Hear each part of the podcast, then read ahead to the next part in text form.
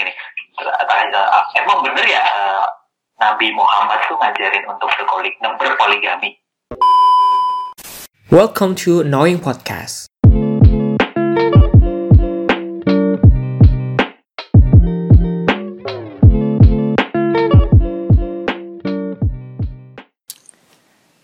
Halo, selamat datang di Knowing Podcast. Balik lagi barengan sama aku Tio, satu-satunya host di podcast ini.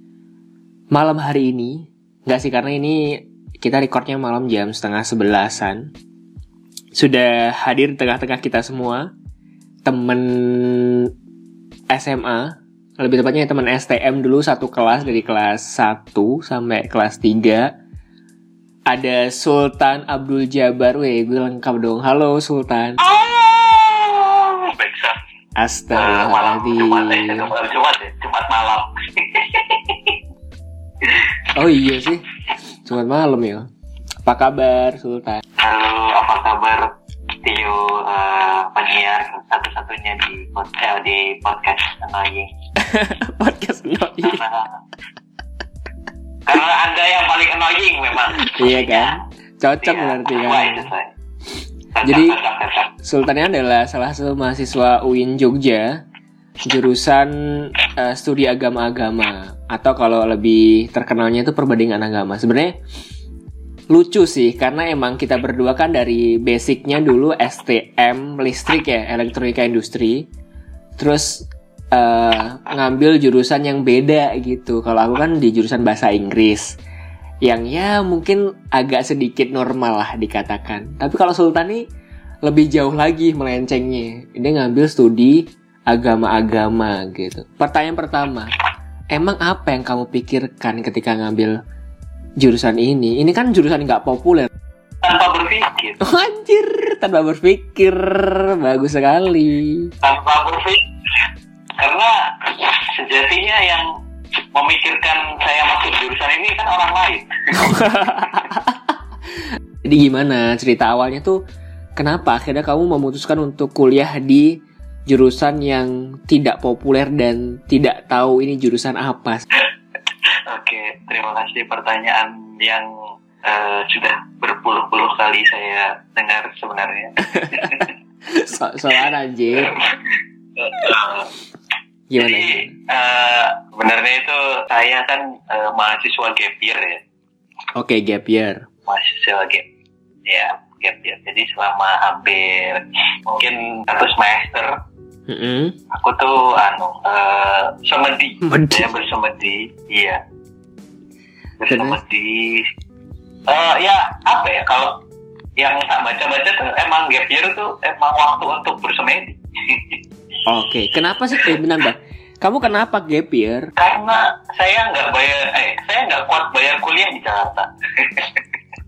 Oh, berarti kamu pernah kuliah dulu sebenarnya? pernah pernah kuliah di Jakarta nah eh, karena secara sosial kultural dan finansial saya nggak mampu jadi saya pulang kampung Oke, berarti putus ya maksudnya? mm, nggak dilanjutin kuliah ini. Oke lah.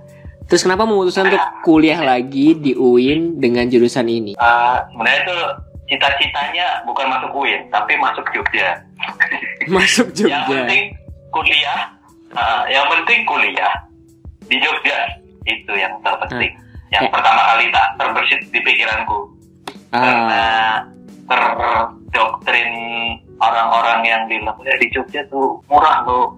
Hmm. asik dan sebagainya. Padahal padahal belum tahu kan ya. Di di pertamaan saya itu ketemu sama tetangga Oke. suaminya tetangga Suaminya tetangga. Terus? suaminya tetanggaku ini ini dia bukan jurusan eh S1-nya di UGM itu jurusan sejarah ilmu sejarah Oke, terus. Nah, dari ilmu sejarah, terus dia tuh ngambil S2 di jurusan CRTS. Apa itu? CRTS itu ke- kepanjangannya dari Center for Religion and Cross Culture Study. Center Indonesia-nya ya, Core Religion Center for Religion and Cross Culture Study. and Cross Culture Study. Wih, keren ya bahasanya. Ya, Panjang sekali. tapi bahasa Indonesia ya. Tapi bahasa Indonesia sebenarnya biasa aja. dan studi lintas budaya biasa aja. Emang apa-apa kalau dibaca Inggris itu jadi keren gitu. Benar, oke. Nah, emang kenapa tetanggamu tuh kenapa kok bisa bisa mengubah apa ya bisa mengisi kekosongan pikiranmu terus akhirnya ah ya udah aku pilih jurusan ini deh gitu sebenarnya itu anu uh, mungkin saking nggak taunya aku ya emang zamanku eh, ya maksudnya aku pada saat itu tuh Ha? emang cuman pikirannya pengen kuliah aja tanpa mencari tahu kayak kuliah itu gimana aku kuliah di mana di sana nanti ada apa dapat apa kira-kira kegiatan yang bisa aku lakuin itu apa kayak kayak ya udah Hmm. kuliah kayak gitu. Nah mas mas ini namanya tuh mas Hakam. Dia tanya eh tanya dia dia datang kayak juru selamat gitu loh. Juru selamat anjay. Juru siap. selamat gitu. Terus? Ngasih tahu ngasih tahu. Bukan ngasih tahu sih sebenarnya tuh. Jadi tuh dalam dalam hari-hari bersama dia tuh ditanyain mulai udah kayak wawancara masuk kerja itu masuk oh, oh. pertanyaannya tuh pertanyaan-pertanyaan yang bikin mikir gitu loh kayak hmm. sebenarnya yang kamu sukain tuh apa selama ini? Ah. terus terus? Uh, mo- motivasi kamu berkuliah apa? Hmm. ya kan? Aku aja kuliah satu semester nggak selesai ditanyain soal kuliah. Kan bingung ya pada saat itu. Oh iya. Tentu uh, uh, tentu goyah. Ya goyah lama kelamaan apa ya di di dia ngasih tahu kalau "Ta- uh, temuin dulu apa yang kamu suka. Terus sekiranya kamu ngelakuin itu tuh asik aja enjoy dan sebagainya. Kayak Nah, gitu. itu Terus tuh apa itu? bilang, apa sesuatu yang bikin kamu enjoy terus asik gitu? Aku tadi nggak tahu. Uh, terus? aku tadi nggak tahu kayak kayak kayak clueless gitu kayak anjir apa ya? Apa ya? Aduh. Ah, iya iya terus iya. terus aku eh, kita kan pernah ya maksudnya di fase seperti itu masih selalu kayaknya setiap anak mah eh, merasakan itu ya. Benar benar benar. Terus terus terus. Terus akhirnya aku dengan nggak pedenya ngomong aja aku senang baca buku mas sama nulis blog gitu gitu. Hmm. Tanpa dia tanpa dia tanya babi ibu bebo tentang kebiasaan baca buku apa atau nulis apa dia langsung kayak men- menyarankan satu jurusan yang di telinga aku juga tuh kayak anjir jurusan apa ini? Ah namanya perbandingan agama tapi jangan jangan jangan dilihat literal meaningnya dari jurusan ini gitu kan. Dia bilang nah terus dari sana dia masuk tuh soal kayak apa ya kayak kayak, kayak nyuci otakku gitu soal di brainwash. Oh, ini tuh jurusan ini tuh jurusan penting ini tuh jurusan yang seru yang mungkin kalau kamu masuk kamu bakal eh, mendapatkan sensasi atau men- mendapatkan pengalaman yang nggak kamu kira-kira Asik. gitu. Berarti kayak kamu kan nih gap year terus dalam masa dulu ya, dalam masa kebimbangan, aku lanjut kuliah apa enggak.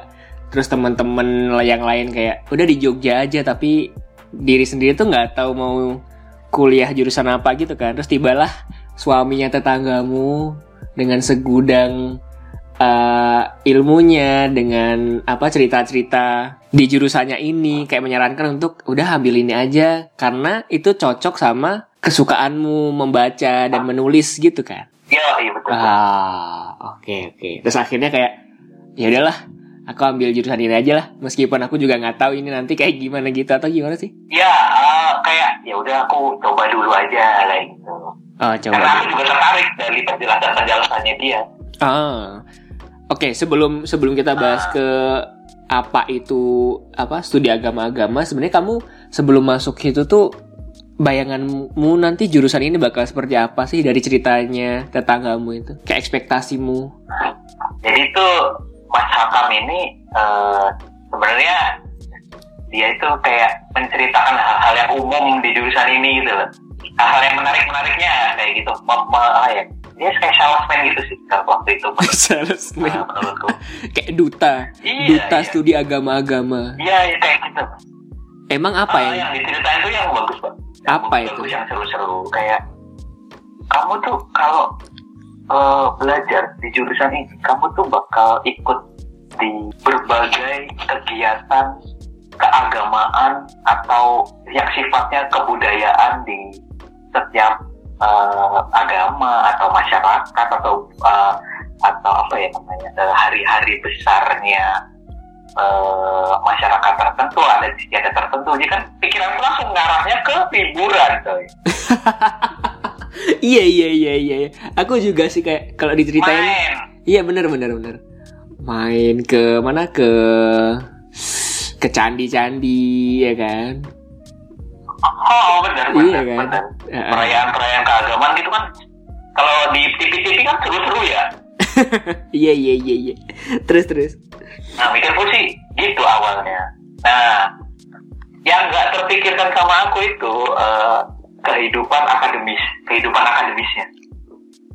oke emang Kalau Kamu kenapa tuh datang ke perayaan. Ya, kalau kamu tuh datang ke perayaan keagamaan atau hari-hari besar keagamaan atau budaya tertentu tuh nggak cuma untuk main, kamu tuh penelitian ke sana. Nah, itu yang jadi variabel tidak terduganya.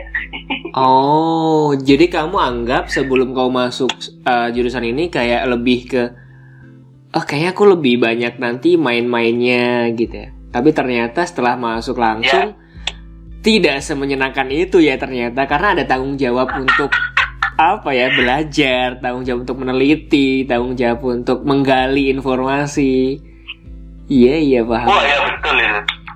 Ternyata tidak seasik yang saya bayangkan.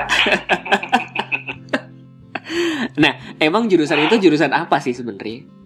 Kayak perbandingan agama. Emang kita disuruh untuk membandingkan agama-agama yang ada atau gimana? Nah, iya. Sebenarnya tuh nama perbandingan agama itu nama sampai tahun 2014 dong.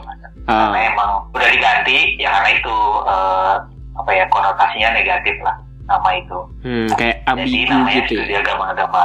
Hmm, Ya, perba- udah perbandingan diikutin sama agama. Nah, ya.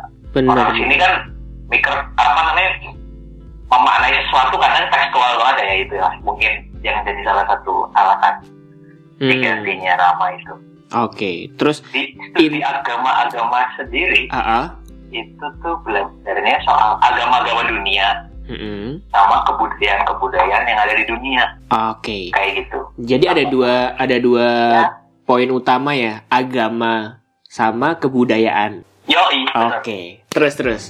Lanjutin dong maksudnya ceritain lebih detail lagi. nah pada saat belajar agama-agama dunia itu kan kita kayak untuk konteks Indonesia Hmm. mengenal agama besar ada enam itu udah pasti Oke, ada agama enam. besar Heeh. Nah, kon- konteksnya berangkat dari Indonesia dulu ya. Agama Hmm. besar, belajar agama besar, sama belajar agama rakyat. Agama rakyat tuh apa tuh? Agama rakyat tuh kayak eh, Kepercayaan. Wiwitan, ya kepercayaan. Ah. Agama rakyat, agama kepercayaan itu sama-sama. Hmm, Sunda hmm, Wiwitan, se- terus kejawen dan sebagainya. Oke. Terus apa yang di yang dipelajari itu apanya? Nah, kalau di studi agama-agama itu berarti kita tuh kayak eh, belajar agamanya, tapi dibantu sama ilmu-ilmu bantu gitu loh kayak. Nah, ilmu-ilmu bantunya ini kayak sejarah, sosiologi, antropologi, fenomenologi. Hmm. tuh sudut pandangnya kita tuh berbagai di- dibuat, kita tuh kayak dibekalin sudut pandang berbagai ilmu-ilmu sosial. Jadi kayak misal eh, nggak nggak ngomongin agama, so- eh, nggak ngomongin agama yang ngomongin soal benar aja, tapi Hmm. soal relevansinya sama kehidupan, soal praktiknya sesuai nggak sama apa yang dibilang atau dikatakan sama teks-teks suci itu Ah. apakah ada hal kontekstualisasi atau sebagainya dan ya kayak gitulah. Oh, berarti sebelum kayak di kamu agama sendiri, Hmm. kayak di agama sendiri selalu ada dua dua apa ya dua dua kelompok yang yang kaku sama yang lebih fleksibel. Nah pasti lah itu dinamikanya di situ yang kita pelajari. Ah. Jadi sebenarnya sebelum kamu belajar soal agamanya, kamu diajari dulu kayak soal ya tadi ya sosial, terus kebudayaan, filosofi mungkin ya lebih ke Oh. filosofi Ah, ah. sebuah agama, kenapa da- konsep dasar. hmm konsep kenapa beribadah seperti ini, konsep apa yang dianut gitu-gitu ya. Oh, betul. Ah. Terus terus terus. Nah, nanti dari pelajaran-pelajaran ilmu-ilmu bantunya itu, Ha? kita dibawa untuk mengenal agama-agama lain itu lebih dalam. Kayak agama Hindu itu apa sih sebenarnya? Hmm. Yang kita tahu kan selama ini naben mulu. Iya ngaben. Terus apa Ngaben. namanya? Hindu tuh apa sih? Kalau biksu tuh Buddha ya? Ba- Bali, ya Bali. Bali, sesajen, dupa gitu-gitu ya. Ah.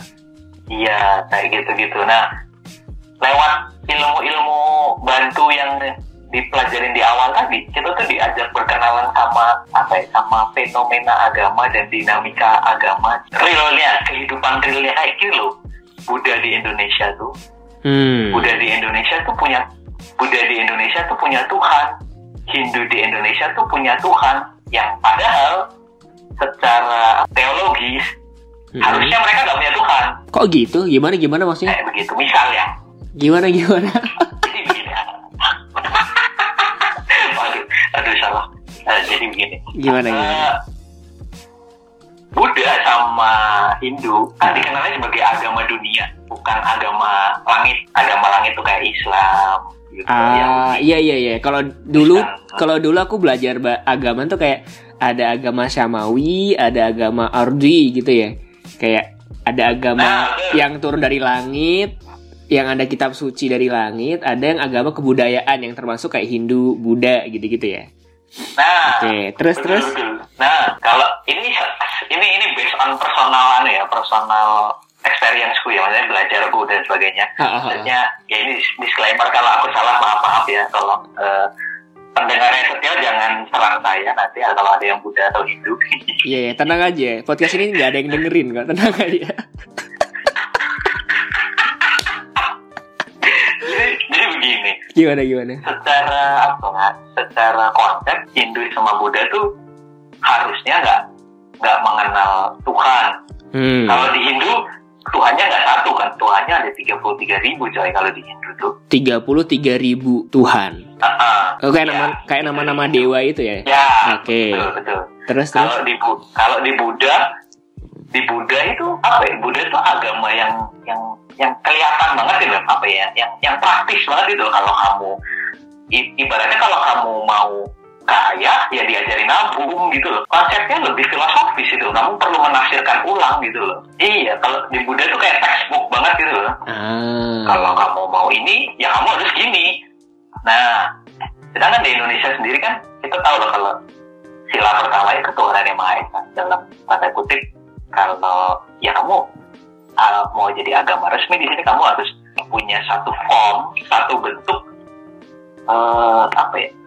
Satu bentuk yang bisa kamu anggap atau kamu nilai atau kamu representasikan loh ini loh Tuhanku. Oke. kalau di Hindu Hindu Indonesia tuh kayak apa? Nama tuanya Sang Hyang Widi kalau nggak salah. Iya Sang Hyang Widi. Aku lupa kalau udah. Kamu kan udah kayak belajar sebenarnya pelajarannya kayak gitu? Maaf, berarti studi agama kan emang bukan membandingkan mana yang benar, mana yang salah, mana yang emang yang apa cocok sama yang nggak cocok atau yang superior mana yang enggak gitu-gitu kan. Tapi lebih ke mempelajari, memperdalam. Oh, agama Hindu tuh seperti ini, seperti ini, seperti ini. Agama Buddha tuh seperti ini, seperti ini, seperti ini. Kristen tuh gini-gini, Islam tuh gini-gini, gini gitu. Berarti kan sebelum kamu belajar itu kamu harus menurunkan ego keagamaanmu dulu dong. Pasti kan awal-awal kayak, ih ya kok gini sih? Di agamaku loh nggak gini. Ini salah nih kayaknya gitu-gitu gak sih? Awal-awal dulu.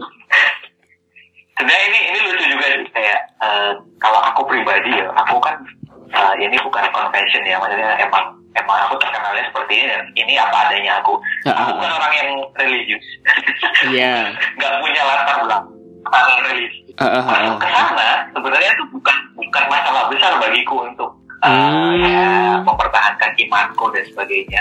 Cuman lucunya saat uh, ketemu ketemu dosen yang uh, apa ya katakanlah mata dia tuh mengaku mata kuliah yang dia tuh deliverynya ke mahasiswa tuh bikin mahasiswa mikir gitu loh kayak anjir kok begini aku yang gak religius pun mikir kayak gitu apalagi temenku yang dari pondok-pondok gitu yang Ah. punya basis keimanan lebih kuat daripada aku yang anak STM kayak gitu Jadi kayak mulai mempertanyakan sebenarnya agama tuh eh agamaku itu gimana sih gitu-gitu ya. Lebih ke mempertanyakan Iya. lagi ya. mulai memper- uh-uh, mempertanyakan hal-hal yang selama ini ya udah kita terima apa adanya aja ya udah emang itu yang mau diapain Misalkan apa tuh? Satu contoh. Misalkan apa tuh? Nah, misal gini uh, emang bener ya uh, Nabi Muhammad tuh ngajarin untuk berpolig berpoligami Ah. Pak, apa benar? Uh, Nabi benar ingin umatnya untuk berpoligami. Kalau iya, kenapa? Kalau enggak, kenapa? Gitu. Nah, Karena iya iya di, iya. kalau nggak salah, ya kalau nggak salah tuh kayak syarat utama berpoligami adalah adil. Apa? Mm-mm. Kan itu kayak pertanyaan yang kembali ke diri sendiri kayak, emang lu udah bisa adil belum? Sama diri lu sendiri udah bisa adil belum? Kayak gitu kan? Ah, iya iya iya iya. adil kenapa harus adil gitu loh? Maksudnya pertanyaan terus nanya nanya yang pada akhirnya sih sebenarnya juntrungannya tuh ke ke perubahan berpikir gitu loh. Kayak pola pikir yang kritis sama argumentatif ya gitu loh. Hmm. itu nanti belajarnya kayak kalau nggak salah tuh di filsafat yang ngajarin logika itu.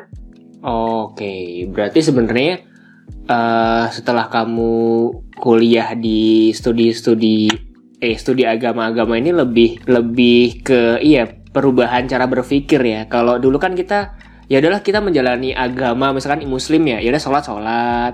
Katanya poligami sunnah, iya udah kita ikutin aja tanpa bertanya kayak emang iya ya. Emang kenapa kalau berpoligami itu sunnah tuh emang segampang itu ya berpoligami dan lain sebagainya tanpa mempertanyakan itu dan akhirnya kamu masuk ke jurusan ini memikirkan ulang berbagai macam hal yang udah disepakati apa udah udah apa ya udah kayak diiyain aja gitu Ah, diiyain aja sama masyarakat yang lain gitu masyarakat Iya. umum ah, di, di, di, dipertanyakan ulang di, dicari kebenarannya iya dicari kebenarannya Iya, kayak gitu Terus emang kamu nggak takut nanti tiba-tiba kayak ih kok agama Islam kayak gini ya? Aku kayaknya enak di Buddha deh. Yaudah aku pindah Buddha atau gimana? Pernah kepikiran gitu nggak sih? Nah, uh, akan tadi udah tak jelasin Ustaz, sebenarnya kan aku bukan orang yang berlatar belakang religius ya. Nah makanya itu makanya kayak Nah, tak, ah, ini udah nggak religius terus ditambahin kayak eh kayaknya agama-agama ini lebih indah deh, lebih enak deh ibadahnya atau lebih lebih tidak ribet deh. Ya udah aku pindah agama lain aja gitu. Apalagi iya kan? Apalagi kayak ya kan semua agama mengajarkan hal kebaikan. Ya udahlah sama aja agama mana pun gitu. Pernah kepikiran buat pindah agama gak sih? Nah, sebelumnya, Mm-mm. jadi di awal-awal semester tuh dosen, nggak semua sih, tapi beberapa tuh kayak punya quotes yang udah SOP banget gitu loh, udah disepakati bersama oleh dosen-dosen kalau kita tuh harus harus eh, apa masukin quotes ini dalam mata kuliah eh, mahasiswa semester awal. Jadi gini quotesnya tuh, semakin kamu mengenal agamamu itu seharusnya nggak buat keyakinanmu itu goyah tapi semakin kamu kenal ya semakin harus cinta kamu sama agamamu kalau kamu semakin yakin sama agamamu itu ya kalau agamamu itu yang yang punya konsep baik konsep yang baik gitu bukan benar ya kalau Hmm. benar kan lebih lebih ke sub, apa ya, bukan subjektif lebih ke tek- apa kontekstual ya ya tergantung tergantung apa yang kita hadapin ya kayak gitu Iya iya iya. Berarti kan iya sih. Selain kamu juga belajar agama lain kan kamu juga memperdalam agama sendiri kan, secara otomatis. ah, ah betul itu Ah, Oh, ah. oh, oh. Tapi kan pilihannya ada dua. Kayak kamu semakin yakin atau kamu semakin ragu gitu kan? Nah, kenapa kok kamu semakin tuh ken- kenapa kamu semakin yakin gitu kayaknya ya? oh kayaknya oke Nah, kita tahu itu satu sindiran yang Loh, enggak maksudnya gimana kan kayaknya aku bilang kayaknya tuh karena kamu masih muslim kan sekarang. Beda lagi Ya, ceritanya kalau lagi. misalkan kamu sekarang "Ah, aku aku agnostik dulu aja deh sebelum milih agama apa gitu. Tapi kan kamu secara secara status masih muslim gitu. Berarti kan kayaknya emang eh, lebih yakin deh daripada keragunya gitu. Itu gimana tuh? sebenarnya aku nggak di walaupun quotesnya seperti itu ya yang tadi tak sampaikan Ah, ah. yang dosenku sampaikan ya aku pribadi nggak memilih untuk oh aku bakal uh, semakin yakin sama keyakinanku yang dahulu. Enggak sih. Cuman aku lebih kayak menemukan hal baru dalam menikmatinya gitu loh. Kayak oh eh gimana sih uh, menikmati uh, kehidupan beragama di tengah situasi dan kondisi masyarakat yang kayak ngomong ini salah bener. Mulu yang salah tuh begini yang bener tuh begini. Kan nggak nggak nggak asik ya kayak. Uh. orang mulu kayak. Kalau aku pandangan pribadiku begitu nemu cara yang paling asik dalam beragama di tengah masyarakat yang maunya tuh bener sendiri dan menganggap yang lain tuh ya berbeda.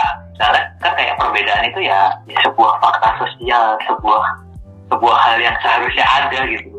Paham paham paham. Malah dipandang uh, secara secara secara naluri beragama kan emang nggak apa-apa dong. Kayak misalkan ya emang agamaku yang paling bener. Tapi yang salah adalah memaksakan kebenaran itu untuk diterima sama orang lain itu kan. Yang agak bermasalah sampai sampai apa ya sampai bentrok lah sampai berdebat lah sampai apa gitu. Itu yang bermasalah di Indonesia. Sebenarnya kalau kita nggak bahas itu mulu kita tuh damai loh gitu ya. Bahkan dalam muslim dalam muslim pun juga kayak ala ikro hafidin kan? Kayak ya tidak ada paksaan dalam kamu beragama. Paham gak sih? Kayak kita nggak boleh maksa misalkan kita muslim maksa orang agama lain buat udah masuk Islam aja secara paksa ya. Bukan secara mengajak bukan secara kayak ya. share ilmu share pengalaman tapi secara memaksa tuh emang nggak boleh. Dan yang bikin bersih tegang kan paksaan itu tadi